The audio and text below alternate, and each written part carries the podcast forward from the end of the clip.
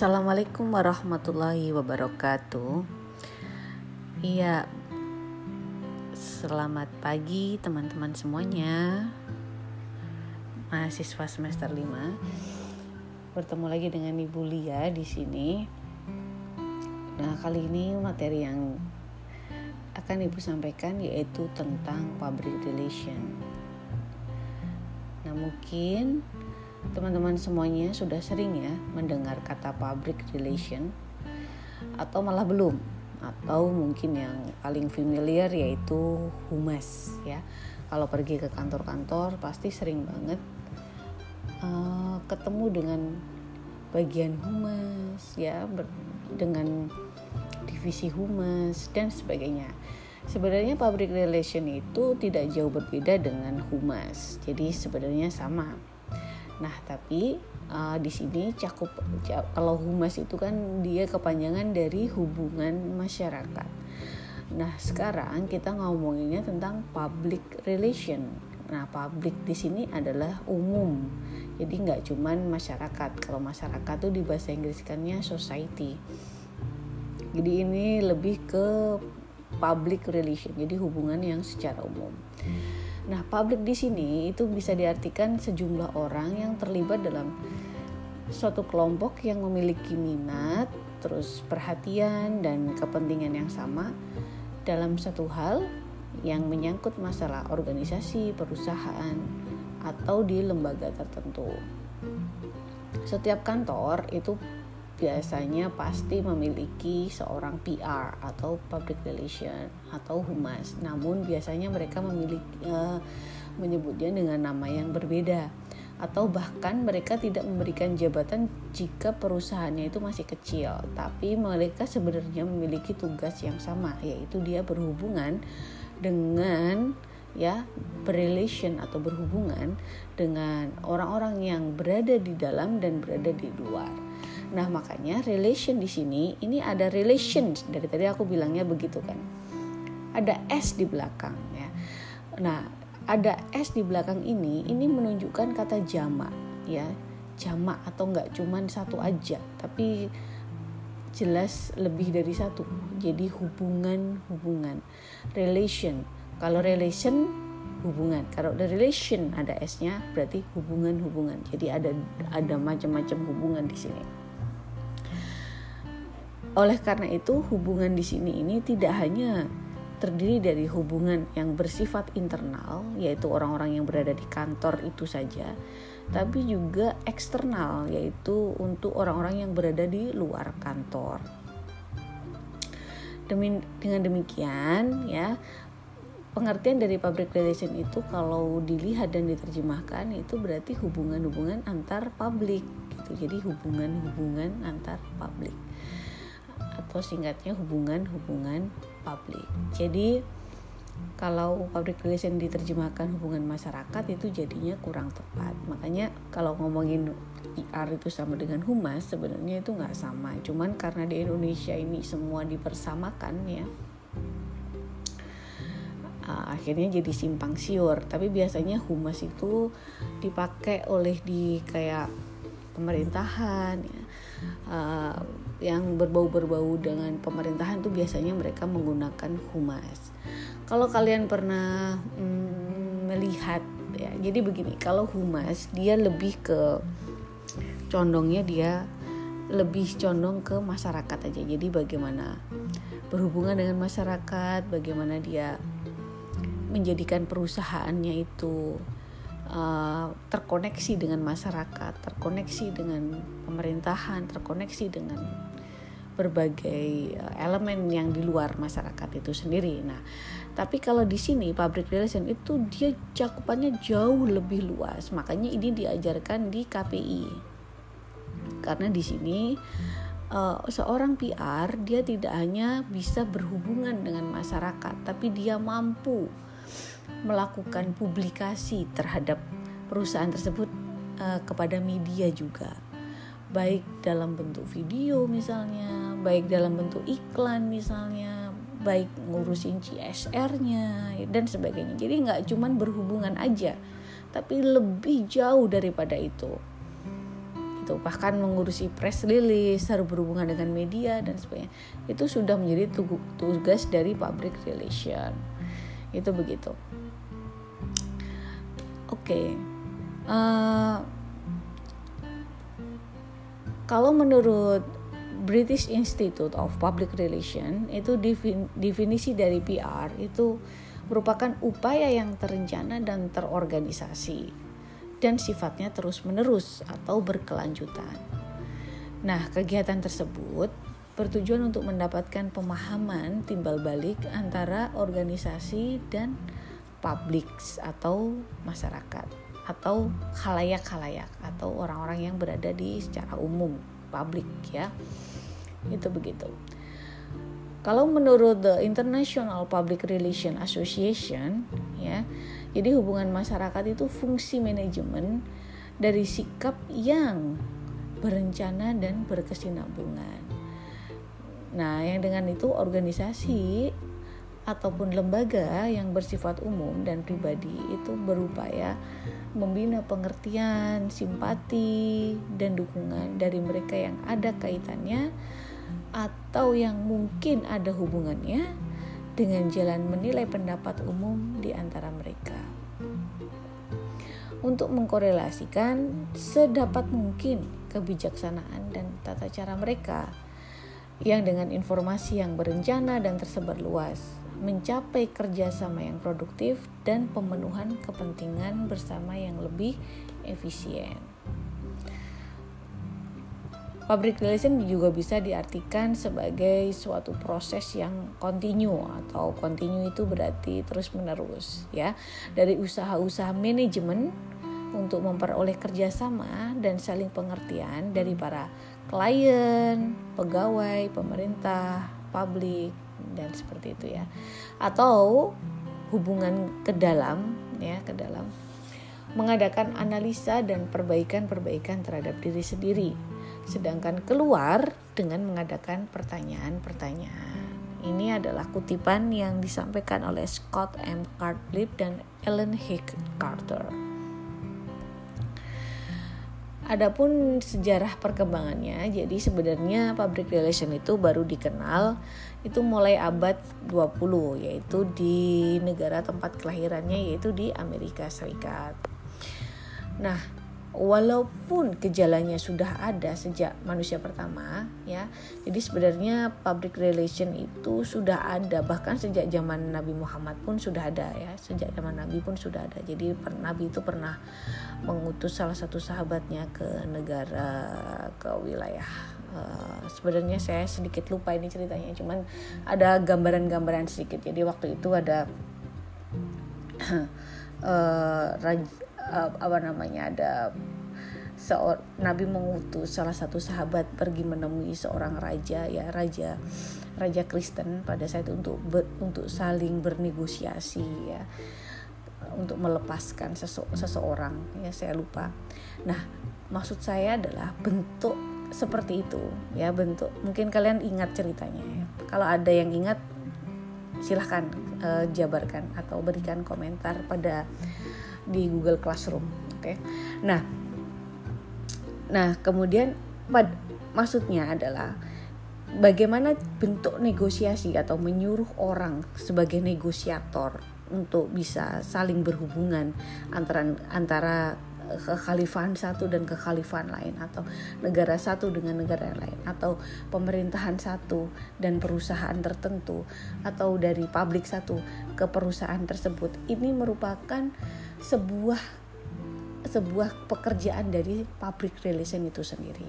Nah, gitu loh.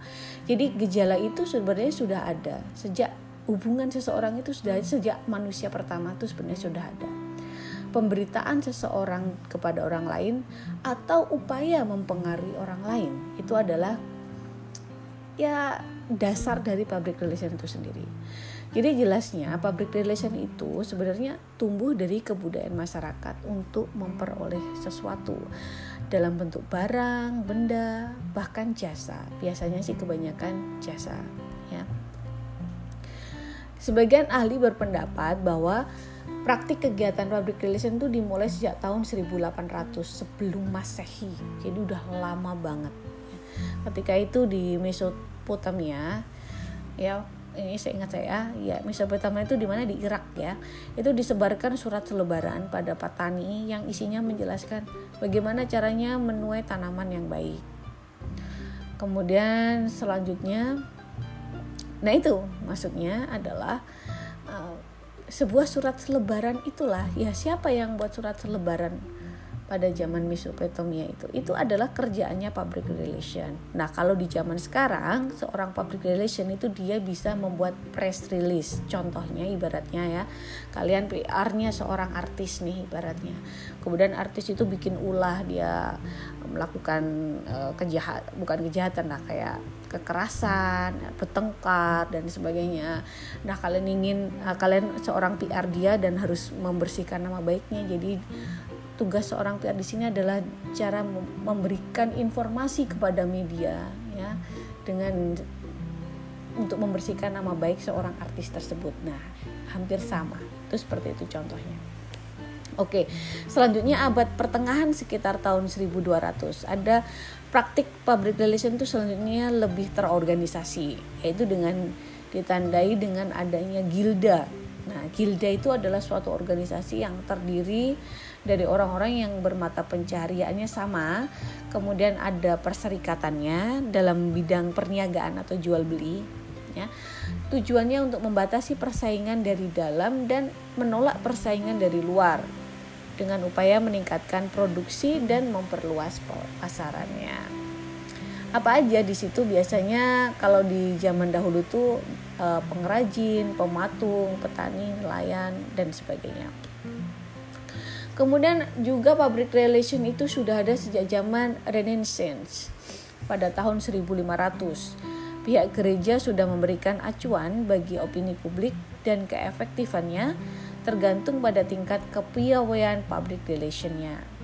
Kemudian ada zaman kolonial tahun 1700 itu ditandai dengan munculnya para propagandis-propagandis terkenal pada zamannya ada John Adam, Benjamin Franklin, ada Joseph Warren, ada uh, Howard Quincy, ada Stephen Hawking uh, dan lain-lain yang turut membantu mengawasi jalannya roda pemerintahan kemudian dia juga membantu menyuarakan aspirasi rakyat. Kemudian masa produksi tahun 1090-an ya. Itu ditandai oleh peningkatan komunikasi melalui kereta api dan komunikasi berkawat. Jadi maksudnya komunikasi berkawat itu ya nir kabel lah ibaratnya atau nir itu kan tanpa kabel jadi komunikasi dengan kabel atau telepon kayak gitu lah ya. Saat itu Amerika sedang mengarah pada percepatan urbanisasi dan produksi gencarnya bisnis besar-besaran, kemudian muncul perusahaan-perusahaan perminyakan, ada batu bara, baja, ya. Jadi makanan siap saji, kemudian membuat pelaku bisnis menjadi gila akan uang sehingga kurang memanusiakan bisnis itu sendiri. Uh, nah, di saat yang seperti itu, opinion leadernya dan anggota masyarakatnya turut merasakan ya uh, bagaimana produksi itu sungguh uh, ada menjadikan adanya kecurangan dan ketimpangan karena yang kaya semakin kaya, yang miskin semakin miskin. Sehingga semakin mendukung munculnya demokrasi. Jadi para pekerja dan buruh dan sebagainya dia ingin menyuarakannya, menyuarakan suaranya. Nah, kemudian muncullah konsep public relation ini, di mana akhirnya seorang uh, suara buruh itu bisa tersampaikan melalui seorang public relation. Public relation ini kemudian menyampaikan ke para pimpinan di perusahaan. Itu seperti itu. Nah, Kemudian yang pasti istilah public relation sendiri itu menurut Roland Haworsley dan Lawrence R. Campbell dalam bukunya Exploring Journalism itu pertama kali digunakan oleh Thomas Jefferson atau presiden ketiga Amerika Serikat pada tahun 1807. Jadi walaupun tidak dalam pengertian secara konseptual dan profesional seperti sekarang tapi itu sudah uh, terjadi ya. Nah, meskipun terdapat perbedaan mengenai sejak kapan mulainya praktik public relation di antara para hadi karena memang kalau dia yang sudah saya jabarkan bahkan sejak Mesopotamia, sejak kolonial ya, kadang suka wah kapan sih mulainya gitu. Bahkan aku tadi cerita sempat Nabi Muhammad juga pernah begitu ya.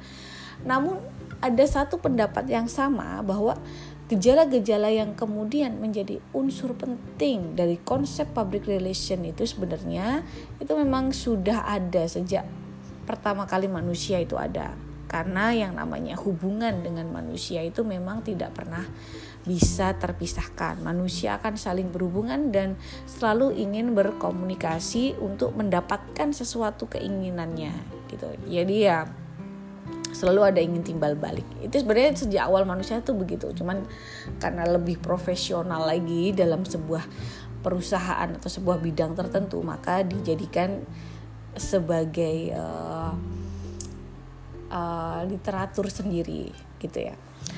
Oke. Okay. public relation itu sorry Public relation itu mulai dipraktikkan di tengah masyarakat yang telah mengalami kemajuan teknologi di berbagai bidang terutama di bidang industri di Amerika. Pertamanya munculnya memang di Amerika.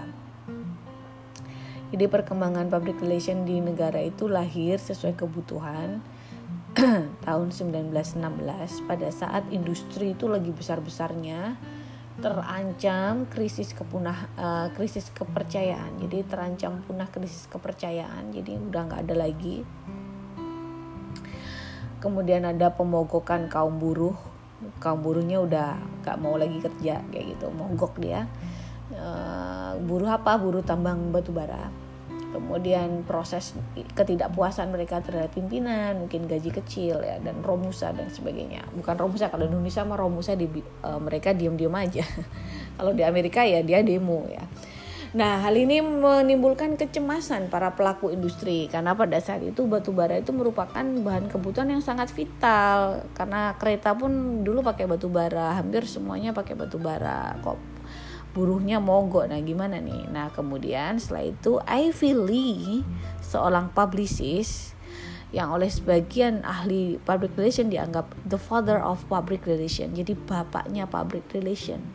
Dia muncul di tahun itu dengan gagasan-gagasannya. Nah, Ivy Lee di sini menawarkan jasa baiknya dengan dua persyaratan. Yang pertama, diperkenankan duduk dalam posisi manajemen puncak yang kemudian diberi wewenang penuh untuk berhubungan dengan pers untuk mengungkap semua fakta sejauh fakta itu tidak merugikan perusahaan. Nah, ini keren banget. Jadi si Ivy Lee ini dia uh, seorang publicist, kemudian dia ingin menyuarakan suaranya buruh tapi dia memiliki gagasan ya pokoknya aku jadiin lah seseorang yang penting di kantor gitu di perusahaan kata dia gitu. Nah memang kenapa kenapa dia pingin jabatan yang tinggi? Karena dia harus berkomunikasi atau dia harus berhubungan dengan para pimpinannya supaya bisa menyuarakan suara buruh itu. Kalau dia posisinya rendah-rendah aja dia nggak akan bisa berhubungan dengan para pemilik modal atau para pemimpin perusahaan. Makanya dia minta manajemen yang tinggi.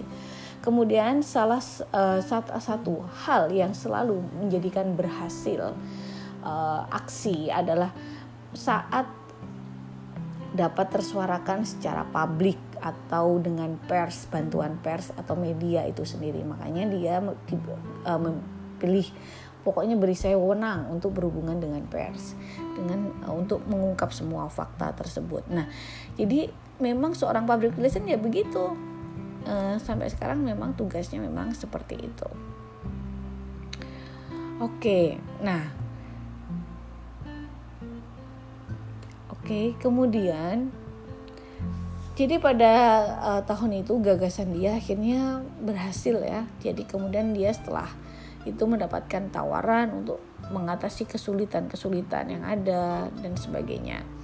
Kemudian Ivy Lee dia mengeluarkan sebuah deklarasi yang disebarkan dalam surat kabar di daerahnya yang terkenal dengan Declaration of Principle yang isinya adalah manajemen harus menganut prinsip keterbukaan pada masyarakat dengan selalu menyediakan berita tanpa merahasiakan apa pun. Jadi uh, dia bilang kalau perusahaan itu harus terbuka gitu. Jadi jangan ada yang disimpan-simpan karena kan uh, yang jadi buruhnya di situ atau pegawainya kan juga masyarakat. Jadi mereka juga harus tahu dan sebagainya. Itu yang dinamakan Declaration of Principle. Oke, setelah dipelopori oleh Ivy League, kegiatan public relation di berbagai perusahaan Amerika Serikat itu tumbuh dan berkembang pesat. Tidak sampai di situ aja, berbagai jawatan, badan, dan lembaga, baik swasta maupun pemerintahan tidak ketinggalan untuk melengkapi manajemennya dengan bagian khusus public relation. Setelah itu, karena di Amerika sudah terjadi seperti itu, maka negara-negara lain pun kemudian mengadopsi atau kemudian uh, mencontoh ya mencontoh bahkan di Indonesia pun pada akhirnya juga demikian. Nah, adapun karakteristiknya itu ada empat karakteristiknya. Adanya yang pertama adalah adanya upaya komunikasi yang bersifat dua arah. Yang pasti dua arah ya. Kalau satu arah, masa mau ngomong sendiri kan nggak mungkin. Jadi pastinya dua arah. Jadi hakikat PR adalah komunikasi, pastinya begitu. Namun tidak semua komunikasi itu PR. jadi komunikasi yang menjadi ciri PR ini adalah komunikasi dua arah yang memungkinkan terjadinya arus informasi timbal balik. Jadi ada feedbacknya. Kemudian uh, karakteristik yang kedua sifatnya tak uh, sifatnya yang terencana. Jadi ada rencananya pasti. Ini mengandung pengertian bahwa kerja atau aktivitas yang dilakukan oleh PR itu itu semua terencana dan berkesinambungan. Jadi nggak cuman asal saling komunikasi doang. Jadi nggak asal ketemu orang di warung kemudian ngobrol itu dinamakan PR itu enggak ya. Jadi yang dinamakan PR di sini itu semuanya serba ada terorganisir atau bersurat atau secara resmi atau benar-benar eh, terencana ibaratnya gitulah. Jadi nggak cuma asal aja. Kemudian uh, karakteristik karakteristik yang ketiga yaitu berorientasi pada organisasi atau lembaga atau perusahaan tersebut.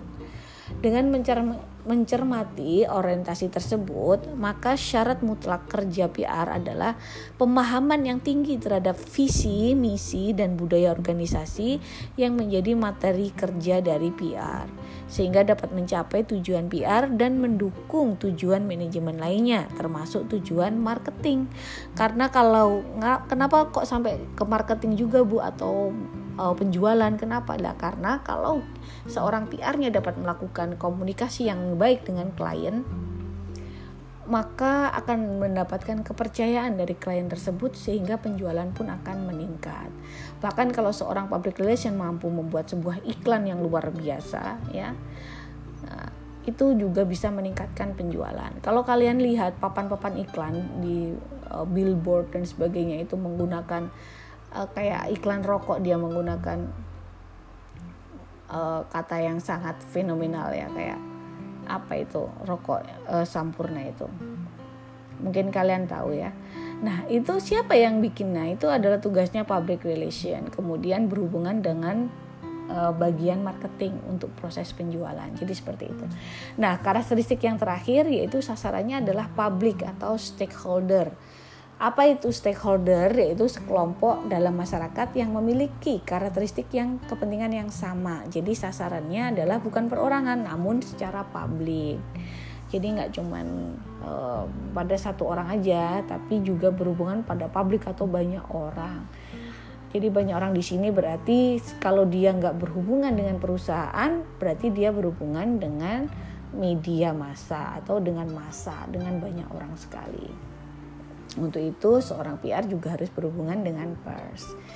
Ya, oke. Okay, jadi seperti itu ya sejarah dari PR sendiri, kemudian pengertian PR, kemudian karakteristiknya, kemudian sedikit cerita tentang PR ya.